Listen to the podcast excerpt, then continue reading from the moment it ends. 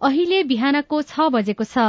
सामुदायिक सूचना नेटवर्क सीआईएनबाट अब प्रसारण हुँदैछ साझा खबर।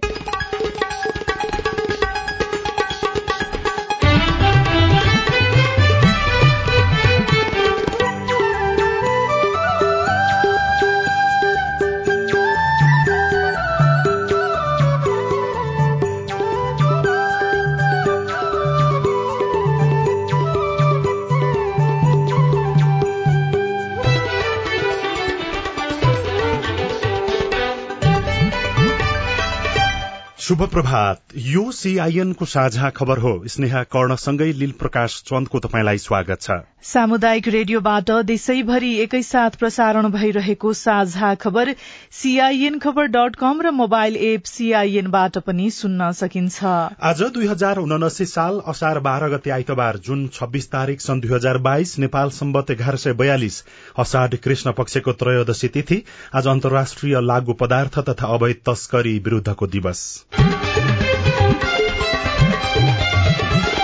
साझा खबरमा प्रमुख खबरका शीर्षकहरू। सरकारले पेट्रोल र डिजलको मूल्य घटायो हवाई इन्धनको मूल्य भने यथावत घटाइएको करबारे भने अस्पष्ट।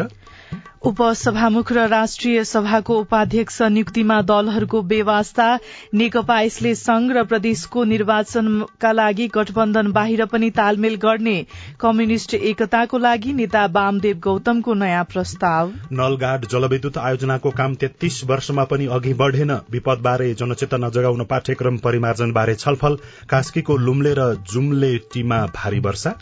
गर्भवतन सम्बन्धी अधिकार उल्ट्याइएपछि अमेरिकामा प्रदर्शन मोरक्कोमा भएको भागदौड़मा अठार जना आप्रवासीको मृत्यु। इरानलाई परमाणु सम्झौतामा समेट्न अमेरिका सकारात्मक। र क्यानमाथिको सम्पूर्ण निलम्बन औपचारिक रूपमा फुकुवा चेस ओलम्पियाडका लागि छ खेलाड़ी छनौट।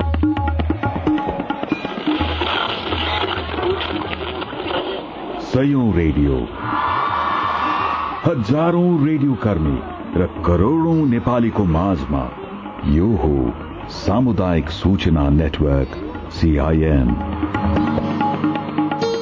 साझा खबरको सबैभन्दा शुरूमा सरकारले पेट्रोल र डिजेलको मूल्य घटाएको प्रसंग चौतर्फी विरोधपछि नेपाल आयल निगमले पेट्रोल र डिजेलको मूल्य घटाएको छ। कर छूट गर्ने सरकारको घोषणासँगै नेपाल आयल निगमले गए राति बाह्र बजेदेखि लागू हुने गरी डिजेलमा उनातिस रूपियाँ र पेट्रोलमा बीस रूपियाँ घटाउने निर्णय गरेको हो। अब डिजेल प्रति लिटर एक सय त्रिसठी र पेट्रोल एक सय उनासी रूपियाँ पर्नेछ। हवाई इन्धनको मूल्य भने यथावत रहेको निगमका प्रवक्ता विनित मणि उपाध्यायले सीआईएनसँग बताउनुभयो।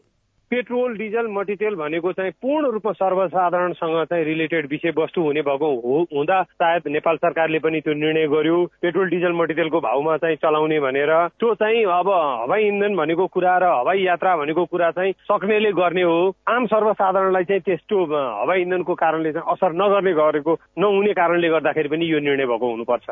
हिजो दिउँसो उद्योग वाणिज्य तथा आपूर्ति मन्त्री दिलेन्द्र प्रसाद बडुले पत्रकार सम्मेलन गर्दै करमा कटौती गरेर पेट्रोलियम पदार्थको मूल्य घटाउने घोषणा गर्नुभएको थियो। उहाँका अनुसार डिजेलमा उनातिस रूपियाँ पेट्रोलमा बीस रूपियाँ कर कटौती गर्ने निर्णय सरकारले गरेको छ। यसले समग्र समाधान त होइन तर तत्कालका निमित्त जनताले सर्वसाधारणले भोग्नु परेको जुन समस्या छ त्यसलाई पनि यसले केही राहत अवश्य पनि दिन्छ। हामीले त्यो विश्वास लिएका छौं। अब सबैको सहयोग पनि चाहिन्छ र मन्त्र मन्त्रालयले यसको बजार अनुगमनको निमित्त पनि हामी प्रभावकारी ढंगले अनुगमनलाई व्यापक गर्छौं र परिणाममुखी बनाउँछौं। प्रधानमन्त्री निवास बालवाटारमा हिजै बसेको सत्ता गठबन्धन बैठकमा पेट्रोलियम पदार्थको मूल्य घटाउने सहमति भएको थियो। नेपाल आयल निगमले अन्तर्राष्ट्रिय बजारमै भाव बढ़ेको भन्दै पछिल्लो पटक डिजेल र मट्टी तेलमा सत्ताइस र पेट्रोलमा प्रति लिटर एक्काइस रूपियाँ मूल्य वृद्धि गरेको थियो। सरकारले हिजो प्रति लिटर पेट्रोलमा बीस र डिजेलमा उन्तिस रूपियाँ मूल्य घटाएको छ तर कर कुन कुन शीर्षकबाट घटाइएको हो भन्ने बारेमा प्रश्न पारेको छैन। प्रधानमन्त्री देउबाको नेतृत्वमा सरकारमा सहभागी शीर्ष दलका नेता गृहमन्त्री अर्थमन्त्री संचार मन्त्री उद्योग वाणिज्य तथा आपूर्ति मन्त्री मुख्य सचिव अर्थ सचिव आयल निगमका कार्यकारी निर्देशक सहित हिजो बिहान बालुवाटारमा बसेको बैठकले इन्धनको मूल्य घटाउने निर्णय गरेको हो। बालुवाटार बैठकपछि उद्योग वाणिज्य तथा आपूर्ति मन्त्रालयले गरेको पत्रकार सम्मेलनमा मन्त्री बडुले मूल्य घटाउने निर्णय सुनाउँदा शीर्षक भने खुलाउनु भएन। प्रधानमन्त्री सरकारमा संलग्न दलका शीर्ष नेता सहितको उपस्थितिमा भएको छलफलमा विश्व बजार र आयल निगमको अहिलेको अवस्था बारेमा जानकारी गराइएको थियो र इन्धनमा लगाइँदै आएको कर घटाएर भए पनि जनताको मर्कालाई तत्काल सम्बोधन गर्न प्रधानमन्त्रीबाट निर्देशन पनि भयो। समग्रमा कर घट्यो तर कुन कुन शीर्षकमा घट्छ भन्ने बारेमा अझै पनि सार्वजनिक गरिएको छैन। प्रतिनिधि सभाको उपसभामुख पद खाली भएको साढे दुई वर्ष र राष्ट्रिय सभाको उपाध्यक्ष रिक्त भएको साढे तीन महिना बिते पनि दलहरूले दुवै पद पूर्तिमा चासो देखाएका छैनन्। रिक्त पद पूर्तिका लागि वर्तमान सत्ता गठबन्धन निर्णायक छ तर यो विषय उठाउँदा दलहरूबीच कुरा नमिल्ने अवस्था आए गठबन्धन टुट्ने डर शीर्ष नेताहरूमा देखिएको छ। तत्कालीन उपसभामुख डाक्टर शिवमाया तुम्बा हाङफेले दुई हजार माघ बाह्र गते राजीनामा दिए यता। उपसभामुख पद रिक्त छ भने राष्ट्रिय सभाका तत्कालीन उपाध्यक्ष शशिकला दाहालको पदावधि सकिएपछि गत फागुन एक्काइस गतेबाट उक्त पद रिक्त रहेको छ। राष्ट्रिय सभाका चारवटा विषयगत समिति मध्ये तीनवटा समिति पनि नेतृत्वविहीन रहेको छ। दिगो विकास तथा सुशासन समिति विधायन व्यवस्थापन समिति र प्रत्यायोजित व्यवस्थापन तथा सरकारी आश्वासन समितिका तत्कालीन सभापतिहरू एक्काइस फागुन दुई हजार अठहत्तरमा कार्यकाल सकिएर विदा भएका थिए। प्रमुख प्रतिपक्षी दलले भन्ने सत्ता पक्षले चासो नदिएका कारण संसद तथा संसदीय समितिमा रिक्त पदपूर्तिमा ढिलाइ भएको दावी गरेको छ। सीआईएनसँग कुराकानी गर्दै एमाले प्रमुख सचेतक विशाल भट्टराईले भन्नुभयो।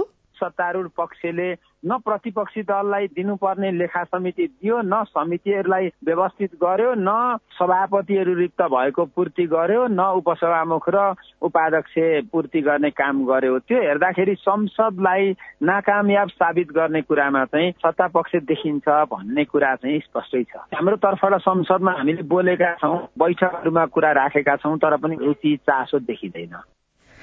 रिक्त राष्ट्रिय सभा सदस्य पदमा दुई हजार अठहत्तर माघ बाह्रमा नै नयाँ सदस्य निर्वाचित भए पनि उनीहरूले संसदीय समितिको काममा सक्रिय हुन पाएका छैनन्।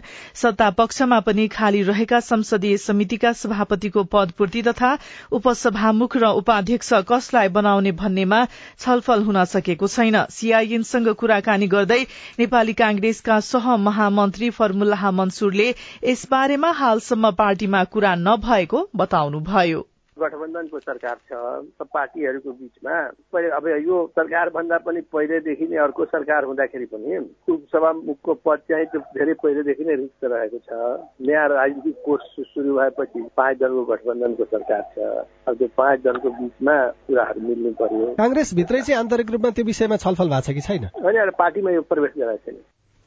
तत्कालीन सभापति शशि श्रेष्ठ मन्त्री भएपछि प्रतिनिधि सभाको राज्य व्यवस्था तथा सुशासन समिति पनि दुई हजार अठहत्तर असोजदेखि नेतृत्वविहीन रहेको छ जसका कारण संसदीय कामहरू प्रभावकारी हुन नसकेको जानकारहरू बताउँदै आएका छनृ। एकीकृत समाजवादीले आगामी संघ र प्रदेश निर्वाचनमा गठबन्धन दलभित्र सम्मानजनक सीट बाँडफाँट नभए बाहिर पनि चुनावी तालमेलको ढोका खुला गरेको छ। केन्द्रीय कमिटिको हिजोको बैठकले गठबन्धन बाहिरका देशभक्त वामपन्थी र लोकतान्त्रिक शक्तिबीच नयाँ ध्रुवीकरण गरेर जान सकिने निष्कर्ष निकालेको हो। एमालेसँग वार्ताका लागि यसले दुईवटा शर्त अघि सारेको छ। एमालेसँगको वार्ताका लागि दुई शर्त अघि सारिएकोमा दश महिना अघि एमालेबाट विभाजन भएको सो पार्टीले आफूहरूको अस्तित्व स्वीकार गर्नुपर्ने र संसद विघटन बारेमा छलफल गर्न तयार हुनुपर्ने शर्त अघि सारेको हो। हिजोको केन्द्रीय कमिटिको बैठकले मन्त्री सिफारिश गरेकाहरूलाई तत्काल शपथ ग्रहण गराउन प्रधानमन्त्री शेरबहादुर देवालाई आग्रह गर्ने निर्णय पनि गरेको छ। बैठकपछि सीआईएनसँग कुराकानी गर्दै प्रचार विभाग प्रमुख जगन्नाथ खतिवड़ाले अब प्रधानमन्त्रीलाई धेरै समय पर्खिन नसकिने बताउनुभयो। पार्टीको आगामी दिनको कार्ययोजनाहरूको बारेमा प्रस्तावित गरेको छ निर्वाचनको समीक्षा गरेको छ हाम्रो पार्टीको संगठनात्मक आजको अवस्था र अगाडि बढ्ने सम्भावनाको बारेमा प्रतिवेदनमा उल्लेख गरेको छ। गठबन्धनका बारे हाम्रा नीतिहरू आजको राष्ट्रिय अन्तर्राष्ट्रिय परिस्थिति आदिका बारेमा चर्चा गरिएको राजनीतिक प्रतिवेदन प्रस्तुत गरिएको छ। प्रतिवेदनमा ठूलो छलफल हुन पाएन। केन्द्रीय परिषदको बैठक यही असारको तेह्र र चौध गते बस्दैछ। त्यसबाट हामीहरू ठोस निष्कर्षहरू निकाल्नेछौ। मन्त्री हेरफेर गर्ने निर्णय पार्टीका केन्द्रीय तहका सबै कमिटिबाट अनुमोदन भएपछि एकीकृत समाजवादीका मन्त्रीमाथि दबाव पनि बढ़ेको छ। सचिवालयको निर्णय स्थायी कमिटि पोलिट ब्यूरो र केन्द्रीय कमिटिबाट अनुमोदन भएपछि पद छाड्न नमानेका मन्त्रीहरूलाई नैतिक संकट परेको हो। नेतृत्वलाई दबावमा पार्न सांसदहरूको हस्ताक्षर संकलनदेखि पार्टी बैठक बहिष्कारसम्म गर्दै आएका उनीहरूका विकल्प साँगुरा हुन थालेका छन्। आफूहरूप्रति पार्टी कठोर बन्दै गएपछि उनीहरूले राजीनामा दिन तयार रहेको जानकारी समेत नेतृत्वलाई दिइसकेका छन्। केन्द्रीय कमिटि बैठकपछि प्रचार विभाग प्रमुख खतिवड़ाले पार्टीसँग बार्गेनिङ गर्ने छुट्टै मन्त्रीहरूलाई छुट मन्त्रीहरूलाई नरहेको बताउनुभयो। मन्त्रीहरूले सके आफ्नै निरन्तरता नभए पनि पार्टीले सिफारिश गरेकालाई रोक्न उनीहरूले एकपछि अर्को शर्त तिर्स्याउँदै आएका थिए।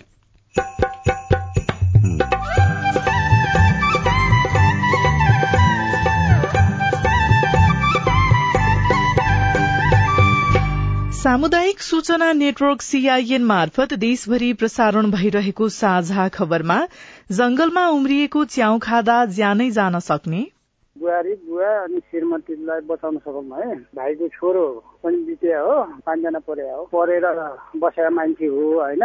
जङ्गली च्याउ नखानुस् नै भन्छु कम्युनिष्ट एकताको लागि नेता वामदेव गौतमको नयाँ प्रस्ताव नलगाड जलविद्युत आयोजनाको काम तेत्तीस वर्षमा पनि अघि बढ़न सकेन।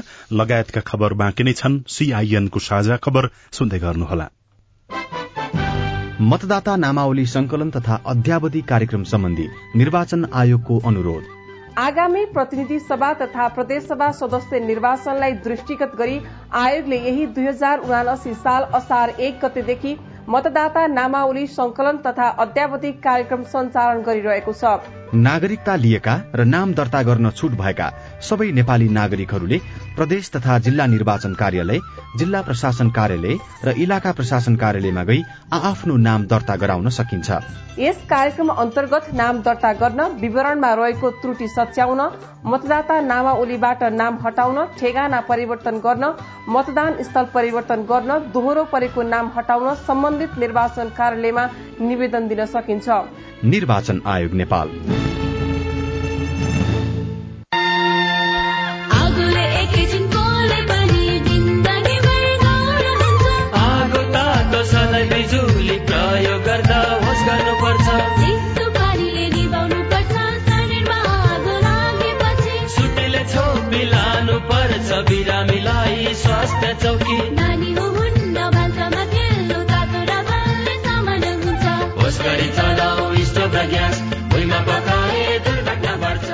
अग्निजन्य दुर्घटना भएमा शून्य एक पचपन्न पचपन्न छ आठ नौमा सम्पर्क गर्नुहोस्। बीबीएस नेपाल ललितपुर।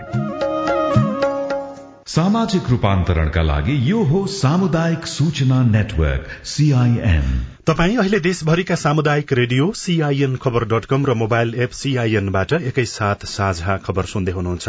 अब बाँकी खबर। नेकपा एकता राष्ट्रिय अभियानका संयोजक वामदेव गौतमले अझै पनि नेपालमा कम्युनिष्ट पार्टीहरूको एकता सम्भव रहेको भन्दै त्यसका लागि आफूले संयोजनकारी भूमिका निर्वाह गर्न चाहेको बताउनु भएको छ। ललितपुरको धोबीघाटमा बसेको नेकपा एकता राष्ट्रिय अभियानको दोस्रो बैठकमा उहाँले फेरि एमाले माओवादी र नेकपा एकीकृत समाजवादी एक हुनुपर्नेमा जोड़ दिनुभयो। दुई हजार पचहत्तर जेठ तीन गते एकता भएर तीन वर्षपछि भदौमा नेकपा विभाजन हुनुको कारण पनि गौतमले प्रतिवेदनमा प्रस्तुत गर्नु भएको छ। पार्टी विभाजन हुनुमा सचिवालयमा रहेका नौजना सदस्यको मुख्य दोष रहेको उहाँको भनाइ छ। त्यो नेतृत्व केन्द्रको रूपमा रहेको नौजनाको सचिवालयका सबै सदस्यहरू उत्तिकै जिम्मेवार हुनुहुन्छ। यो काम त्यो सचिवालयभित्रबाट अरू कसैले पार्टी विभाजन उन्मुख हुनुभन्दा पहिले नै प्रयत्न गर्नुपर्छ त्यो? त्यो प्रयत्न अरू कसैले पनि गर्न सक्नुहुन्थ्यो। माधवले गर्न सक्नुहुन्थ्यो झलनाथले गर्न सक्नुहुन्थ्यो केपी ओलीले नै गर्न सक्नुहुन्थ्यो ईश्वरले गर्न सक्नुहुन्थ्यो विष्णुपोटले गर्न सक्नुहुन्थ्यो सबैले गर्न सक्नुहुन्थ्यो। नारायण काजीले पनि गर्न सक्नुहुन्थ्यो। यस्तो काम कसैले पनि गर्नु भएन सरकारले विपदबाट हुने क्षति न्यूनीकरणका लागि विद्यालय स्तरबाटै जानकारी गराउने भएको छ। नेपालमा सम्भावित विपदका प्रकृति त्यसबाट हुने क्षति र न्यूनीकरणका उपायहरू पाठ्यक्रममै समावेश गर्ने गरी छलफल चलाउन थालिएको हो। सीआईएनसँग कुराकानी गर्दै राष्ट्रिय विपद जोखिम न्यूनीकरण तथा व्यवस्थापन प्राधिकरणका प्रवक्ता डाक्टर डिजन भट्टराईले विपद व्यवस्थापनको विषय विद्यालयदेखि क्याम्पस तहसम्म अनिवार्य गराउने बारेमा छलफल अगाडि बढ़ाइएको बताउनुभयो। त्यसका लागि छुट्टै पाठ्यपुस्तक छपाउने या भएकै पुस्तकमा विषय समावेश गर्ने भन्ने बारेमा पनि छलफल चलिरहेको छ। विपदजन्य घटनामा बढ़ी जसो मानवीय कारण देखिने भएकाले पनि यसलाई न्यूनीकरण गर्न बाल बालिका तहबाटै सचेतना जरूरी देखिएको उहाँको भनाइ छ। अस्ति भएको एउटा सरकारवाला निकाय बीचको छलफलमा तत्कालका लागि स्थानीय तहले विपद न्यूनीकरणको विषयमा पठन पाठन गराउन सक्ने निष्कर्ष निकालिएको छ। दुई हजार पैंतालिस सालमा सर्वेक्षण भएको जलाशययुक्त नलगाड जलविद्युत आयोजनाको काम तेत्तीस वर्षमा पनि अघि बढ़ेको छैन। चुनावको समयमा हरेक राजनीतिक दलले नलगाड जलविद्युत आयोजनालाई भोटसँग जोडेर कुरा उठाउँछन् तर त्यसपछि भने कसैले वास्ता नगरेको स्थानीयवासीको भनाइ छ। जाजरकोटको नलगाड नगरपालिकाको केन्द्र दल्लीमा पर्ने चार सय सत्र मेगावट क्षमताको नलगाड जलविद्युत आयोजनाको चर्चा हुन थालेको बीस वर्ष भन्दा धेरै भयो। पञ्चायत कालमा सर्वेक्षण भएको जलविद्युत आयोजना सरकारको नीति तथा कार्यक्रममा समेत नपरेको गुनासो गर्नुहुन्छ स्थानीय बिनबहादुर सिंह। पावर हाउस बन्ने एरियामा सबैले मुआवजा लिइसके रुबान क्षेत्र त्यहाँ पनि मुआवजा लगिसक्यो अब जग्गाको अलिकति घरको मात्रै बाँकी छ सम्भाव्य योजनालाई माथिबाट केही पनि चासो गरिएको छैन। नरसिंहघाट खोलाको पानीलाई बारेकोट गाउँपालिकाको अँधेरी खोलाबाट बाँध बाँधेर नलगाड नगरपालिका दल्लीमा विद्युत निकाल्न दुई वर्ष लगाएर परियोजनाको सर्वेक्षण गरेको थियो। तर यो आयोजनाका बारेमा चुनावका बेला मात्रै बहस हुने गरेको छ। अर्का स्थानीय विष्णु विक। राष्ट्रिय स्तरका नेताहरूको यसमा ध्यान नपुग्नु यसको मुख्य कारण दस किलोमिटर लामो सुरुङ निर्माण गरी विद्युत निकाल्ने र हिउँद बर्खाकै समयमा चार सय सत्र मेगावट विद्युत उत्पादन गर्ने लक्ष्य राखिएको आयोजनाको डिपिआरको काम अडसठी महिनासम्म पनि सकिएको छैन। जाजरकोटका पूर्व जिल्ला समन्वय प्रमुख मुनबहादुर रावल। सबैको रोजगारी बदल्न सक्ने खालको छ भन्ने हामीले बुझ्दा बुझ्दै त्यसको आशा गर्दा गर्दै ठेक्का पट्टा आदि इत्यादि काम गर्ने कम्पनीहरूको ढिला सुस्तीको कारणले यो अलपत्र पर्न गएको भन्ने बुझिराखेका छौँ। नेपाल सरकारले छ अर्ब रकम विनियोजन गरेर अस्ट्रेलियाको एक कम्पनीको सहयोगमा नेपालको उदय जेबीले आयोजनाको सम्भाव्यता अध्ययन गरेको थियो। अहिलेसम्म डिपिआरको काम समेत सकिएको छैन। सन् दुई हजार बाह्रमा आयोजनाको अनुमानित लागत एक खर्ब आठ अर्ब भन्दा धेरै लाग्ने भनिएको थियो। Padam KC CIN Khalanga FM Jajarkot. कास्कीको लुम्ले र जुम्लेटी वर्षा मापन केन्द्रमा गए राति लगातार छ घण्टा अति भारी वर्षा मापन गरिएको छ। यसले आसपासको साना खोलामा आकस्मिक बाढ़ी आउन सक्ने र कमजोर तथा भिरालो जमीनमा पहिरो जान सक्ने भएकाले बिहान नौ बजेसम्म उच्च सतर्कता अपनाउन बाढ़ी पूर्वानुमान महाशाखाले अनुरोध गरेको छ। अब आज काठमाडौँबाट प्रकाशित पत्र पत्रिकाको खबर कान्तिपुर दैनिकको भित्री पन्नामा दुई सातामै कोरोना संक्रमण दर तीव्र शीर्षकमा अतुल मिश्रले लेख्नु भएको छ दुई साता यता कोविडको संक्रमण दरमा झण्डै तीन गुणाले बढ़ेको छ। गत जेठ उन्तिसमा कोविड संक्रमण दर पोजिटिभिटी रेट शून्य दशमलव पाँच पाँच प्रतिशत थियो। दुई सातामै शनिबार त्यो दर एक दशमलव चार नौ प्रतिशत पुगेको छ। पछिल्लो पटक असार छ गते पोजिटिभिटी दर एक दशमलव एक तीन प्रतिशत पुगेको थियो। नागरिक दैनिकमा कर्मचारी कानून अधिवेशनमै ल्याउने कर्मचारी कानून चालू अधिवेशनमै ल्याइने सरकारको तयारी शीर्षकमा खबर छ। सरकारले संघीय निजामती सेवा ऐनको मस्यौदा चालू अधिवेशनमै पेश गर्ने भएको छ। यसका लागि सबै गृह कार्य सकिएको मन्त्रालयले जानकारी दिएको छ। मस्यौदा तयार भएदेखि अहिलेसम्म छ पटक मन्त्री तथा छ पटक सामान्य सचिव फेरिएका छन्। सरकारले दुई हजार पचहत्तर सालदेखि नै संघीय निजामती सेवा ऐन ल्याउन प्रयास गरिरहेको थियो। नयाँ पत्रिका दैनिकमा बर्खाको बाढ़ी पहिरोले मात्र छ वर्षमा बाह्र सय पन्ध्रको मृत्यु शीर्षकमा खबर छ बर्खाको बाढ़ी पहिरोले छ महिना छ वर्षमा एक हजार दुई सय पच्चीस जनाको मृत्यु भएको छ। राष्ट्रिय विपद जोखिम न्यूनीकरण तथा व्यवस्थापन प्राधिकरणले यस वर्ष पनि बहत्तर जिल्ला बाढ़ी र पहिरोको जोखिममा रहेको आकलन गरिसकेको छ। एक्काइस जिल्ला बढ़ी जोखिममा देखिएका छन्। एकाउन्न जिल्ला पहिरोको जोखिममा परेको पनि प्राधिकरणले बताएको छ। साझा खबरमा अब हेलो सीआईएन अविनाश आचार्यबाट। बहादुर भुजेल गौशाला दस बडेरबा महोत्तरी जिल्लाबाट। जुन हाम्रो ऐलानी जमिनको फोटोकपीहरू लाल पूर्जाहरू जम्मा गराएको थियो त्यसमध्ये वाडाबाट सिफारिस भएर नगरपालिका पुगेको थियो। नगरपालिकाबाट के भयो कसो भयो अहिलेसम्म थाहा छैन। जवाफ दिँदै हुनुहुन्छ गौशाला नगरपालिका महोत्तरीका प्रमुख प्रशासकीय अधिकृत वीरेन्द्र जङ थापा। अब पहिलो चरणमा हाम्रो बत्तीस सय भन्दा बढीको लगत सङ्कलन भएको छ पछि पनि केही भएको छ। हामीले गरेको कामको काम चाहिँ कति हो भने त्यसलाई लगत अनलाइनमा इन्ट्री गर्ने काम हामीले सकिसकेका छौँ। अब त्यसको अरू राष्ट्रिय भूमि आयोग मार्फत अब जग्गाको लगत दिने कामहरू बाँकी छन्। नमस्ते म हर्कबहादुर विष्ट डिलासिनी गाउँपालिका वार्ड नम्बर चार प्रदेश नम्बर सात। मेरो गाउँपालिकामा आजसम्म जति पनि आएका छन् योजना यसको ठेकापट्टा र देवपार कहिलेसम्म हुने यो रोकथाम हुने कि अघिल्लो साल बनाएको छ महिना नबित्दै जमाडी खोलामा जालीका नाम निस्नै छैन। यो सिँचाइका नहरमा पानी नै छैन। तपाईँको गुनासो हामीले डिलासैनी गाउँपालिकाका अध्यक्ष सन्तोष प्रकाश जोशीलाई सुनाएका छौं। पालिकाको तर्फबाट हाम्रो गम्भीर ध्यान आकर्षण भएको छ। हामी ती तत्त ठाउँहरूमा जहाँ ती समस्याहरू देखिएका छन्। ती सबै ठाउँमा हामी पुगेर प्राविधिक मूल्याङ्कन पुनः गर्न लगाउने र हिजो कसरी काम भएको रहेछ बनाउने उपभोक्ता समितिहरूमा को को मान्छेहरू बसेका छन् त्यहाँ गएको प्राविधिकले के कस्तो खालको मूल्याङ्कन गरेको छ ती सबै सन्दर्भहरूमा हामी पुनः एकचोटि विचार गर्छौँ र अब हामी काम गर्दाखेरि चाहिँ पालिकाको तर्फबाट सबै ठाउँहरूका आएका योजनाहरूको सन्दर्भमा उचित मूल्याङ्कन गरेर मात्रै कार्यक्रमहरू दिने र गएका कार्यक्रमहरूको पृष्ठपोषण काम राम्रो भए नभएको सार्वजनिक सेवाहरू गरे नगरेको लेखा परीक्षणहरू गरे नगरेको सबै खालका कामहरू हामी अब अलिकति वैज्ञानिक ढङ्गले लाग्छौँ। म यहाँहरूसँग केही समय धैर्यतापूर्वक गाउँपालिकाले गर्ने कामहरू हेरिदिनको लागि पनि म आग्रह गर्न चाहन्छु। ढिला सैन्यबाटै अन्य पाँचजना श्रोताले खानेपानीको समस्या समाधानका लागि पालिकासँग के योजना छन् भनेर प्रश्न गर्नु भएको थियो।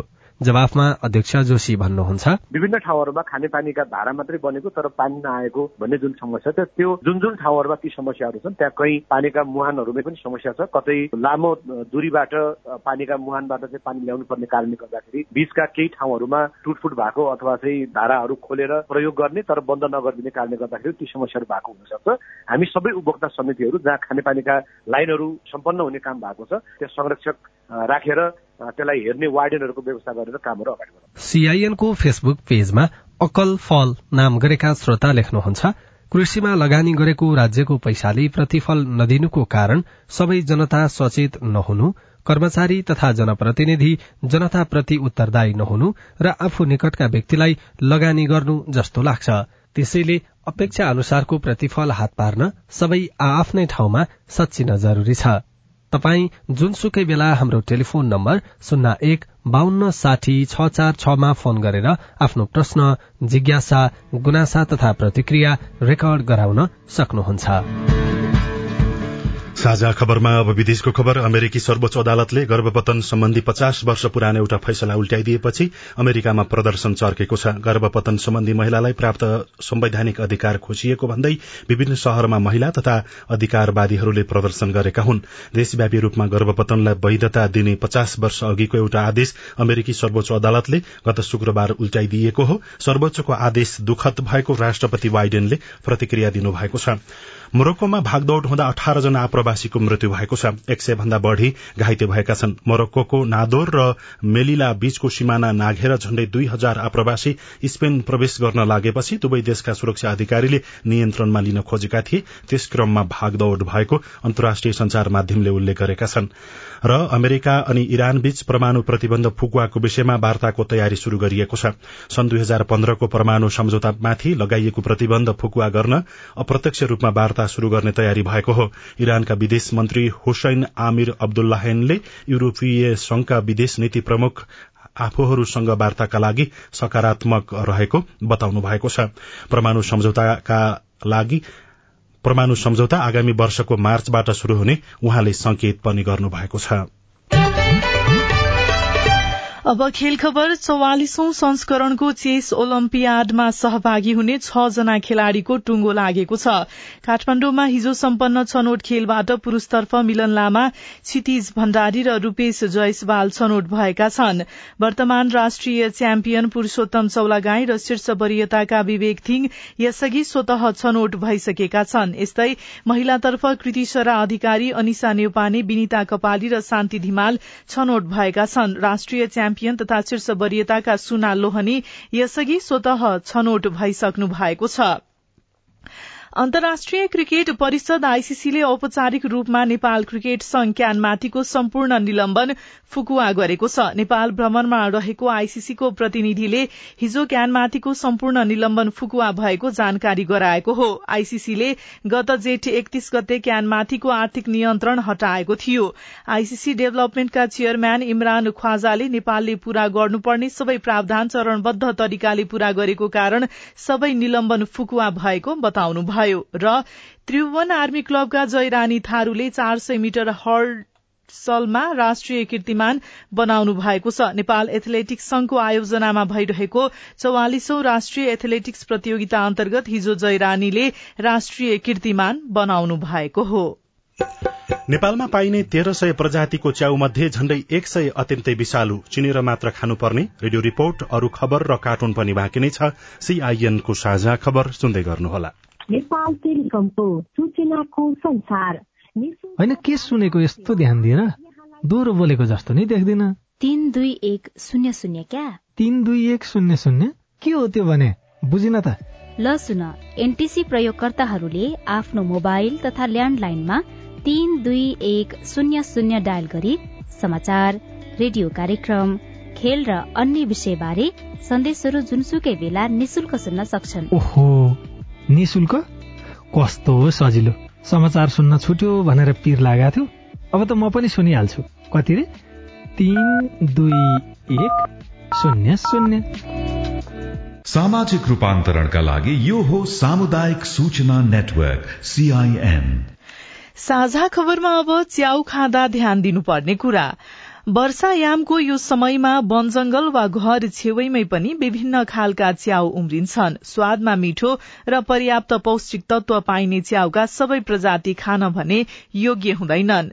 विषालु च्याउ खाएकै कारण वर्षिनी मानिसहरूको मृत्यु भइरहेको छ तर च्याउ खाएकै कारण कतिको मृत्यु हुन्छ सरकारसँग तथ्याङ्क भने छैन।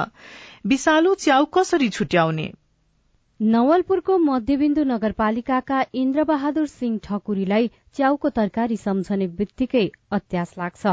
च्याउको तरकारी खाएकै कारण उहाँले दुई हजार चौरात्तर सालमा भाइको एक सहित पाँच सन्तान गुमाउनु पर्यो। च्याउको प्रजाति चिनेर मात्रै खान उहाँ सुझाव दिनुहुन्छ। बुहारी बुवा अनि श्रीमतीलाई बचाउन सकौँ है। भाइको छोरो पनि बिते हो पाँचजना परे हो। म चाहिँ एकचोटि परेर बसेर मान्छे हो होइन। जङ्गली च्याउ चाहिँ नखानुस् नै भन्छु। वर्षायाम लागेसँगै जंगलमा विभिन्न जातका च्याउ उम्रन्छन्। कतिपय खान योग्य हुन्छन् कतिपय विषालु। खान योग्य र विषालु च्याउ कसरी छुट्याउने थाहा नपाउँदा वर्षेनी मानिसहरूको मृत्यु भइरहेको छ। त्यसैले पाँच थरको हिलिहाङ गाउँपालिकाका प्रेम कुमारी दाहाललाई जंगलमा पाइने च्याउ टिपेर घर ल्याउन डर लाग्छ। च्याउ हुन्थ्यो सिस्नो हुन्थ्यो निगुरो हुन्थ्यो। निगुरोहरू टिपेर खान्थ्यौँ। पानी पर्दा साह्रै राम्रो राम्रो च्याउ आउँथ्यो। आमैहरूले टिपेर लान्थे। हामीहरू चाहिँ खान डराउँथ्यौँ। खाँदैनथ्यौँ च्याउ चाहिँ साह्रै मजाले हुन्थ्यो रुखको फेद हुँदो। विज्ञहरूका अनुसार नेपालमा तेह्र सय प्रजातिको च्याउ पाइन्छ। ती मध्ये एक सय उनासाठी प्रजातिको च्याउ खान मिल्छ भने झण्डै एक सय प्रजातिको च्याउ अत्यन्तै विषालु हुन्छन्। तिखर गन्ध आउने बैजनी तथा गाढ़ा रातो रंग वा रंगीन च्याउहरू विषालु हुन्छन्। हेर्दा आकर्षक देखिने र किरा नलागेका च्याउ पनि चालु हुन सक्छ। पानीमा च्याउ डुबाउँदा पानी निलो अथवा कालो भएमा वा भाँडामा नै रंग सरेको देखिएमा पनि त्यस्ता च्याउ विषालु हुन सक्छन्। त्यस बाहेकका च्याउ पनि विषालु वा खान योग्य परीक्षण गरेपछि मात्रै थाहा हुन्छ। त्यसैले परीक्षण गरिएका र खान योग्य च्याउ मात्रै खान विज्ञहरूले सुझाव दिने गरेका छन्। नेपाल कृषि अनुसन्धान परिषदका वरिष्ठ च्याउ विज्ञ डाक्टर जयकान्त राउत। काहीँ पनि संसारमा काहीँ पनि त्यस्तो छैन कि आम मान्छेले यो खाना हुन्छ यो खाना हुँदैन भने ठ्याक्कै त्यस्तो कुनै विधि अहिलेसम्म विकास भइसकेको छैन। त्यसले गर्दा यसको लागि ठ्याक्कै तपाईँको विज्ञको परामर्श नलिकन खाना हुने अथवा खाना नहुने भनेर छुट्याउन गाह्रो छ। सकेसम्म आफूले नचिनेको प्रजातिको च्याउ खानु हुँदैन। यस्तै दुई थरीको च्याउ एकै ठाउँमा मिसाएर नखान पनि विज्ञहरू सुझाव दिन्छन्। यदि च्याउको तरकारी खाएकै कारण स्वास्थ्यमा कुनै समस्या देखिएको खण्डमा समयमा नै अस्पताल जानुपर्छ। सजना तिमल सीआईएन काठमाडौँ। रिपोर्टसँगै हामी साझा खबरको अन्त्यमा आइपुगेका छौं। सामुदायिक रेडियो प्रसारक संघद्वारा संचालित सीआईएनको बिहान छ बजेको साझा खबर सक्नु अघि मुख्य मुख्य खबर फेरि एकपटक। सरकारले पेट्रोल र डिजेलको मूल्य घटायो हवाई इन्धनको मूल्य भने यथावत घटाइएको करबारे भने अस्पष्ट। उपसभामुख र राष्ट्रिय सभा उपाध्यक्ष नियुक्तिमा दलहरूको व्यवस्था नेकपा यसले संघ र प्रदेशको निर्वाचनका लागि गठबन्धन बाहिर पनि तालमेल गर्ने कम्युनिष्ट एकताको लागि नेता वामदेव गौतमको नयाँ प्रस्ताव। नलगाड जलविद्युत आयोजनाको काम तेत्तीस वर्षमा पनि अघि बढ़ेन। विपदबारे जनचेतना जगाउन पाठ्यक्रम परिमार्जनबारे छलफल। गर्भपतन सम्बन्धी अधिकार उल्टाइएपछि अमेरिकामा प्रदर्शन मोरक्कोमा भएको भागदौड़मा अठार जना आप्रवासीको मृत्यु। र क्यानमाथिको सम्पूर्ण निलम्बन औपचारिक रूपमा फुकुवा। साझा खबरको अन्त्यमा कार्टुन। कार्टुन हामीले राजधानी दैनिकमा उत्तम नेपालले बनाउनु भएको कुरै कुरै शीर्षकको कार्टुन लिएका छौं। व्यङ्ग्य गर्न खोजिएको छ। नेकपा यसले केही समय अगाडि आफ्नो पार्टीको तर्फबाट सरकारमा गएका चार मन्त्रीलाई फिर्ता बोलाउने निर्णय गर्यो तर ती मन्त्रीहरूले उल्टै पार्टी विरूद्ध पनि अभियान चलाएका थिए। यहाँ व्यङ्ग्य गर्न खोजिएको छ त्यसैतर्फ। मन्त्रालय लेखिएको छ एकजना मन्त्री कुर्सीमा बसेका छन् र अगाडिपट्टि एकजना व्यक्ति फाइल बोकेर उभिएका छन् र उनलाई ती मन्त्रीले केही भने जस्तो देखिन्छ तल चाहिँ यस्तो लेखिएको छ। कति कष्टले मन्त्री भएको? त्यसै छोड्छु त कि पाता कसेर फिर्ता लानु पर्यो पार्टीले हामीलाई? हवस् त प्राविधिक साथी सुनिल राज भारतलाई धन्यवाद। अहिलेलाई लील प्रकाश चन्द र स्नेहा कर्ण विदा भयौं। तपाईँको आजको दिन शुभ होस्। नमस्कार। यसपछि देशभरिका सामुदायिक रेडियोबाट कार्यक्रम संवाद प्रसारण हुनेछ। सुन्ने प्रयास गर्नुहोला।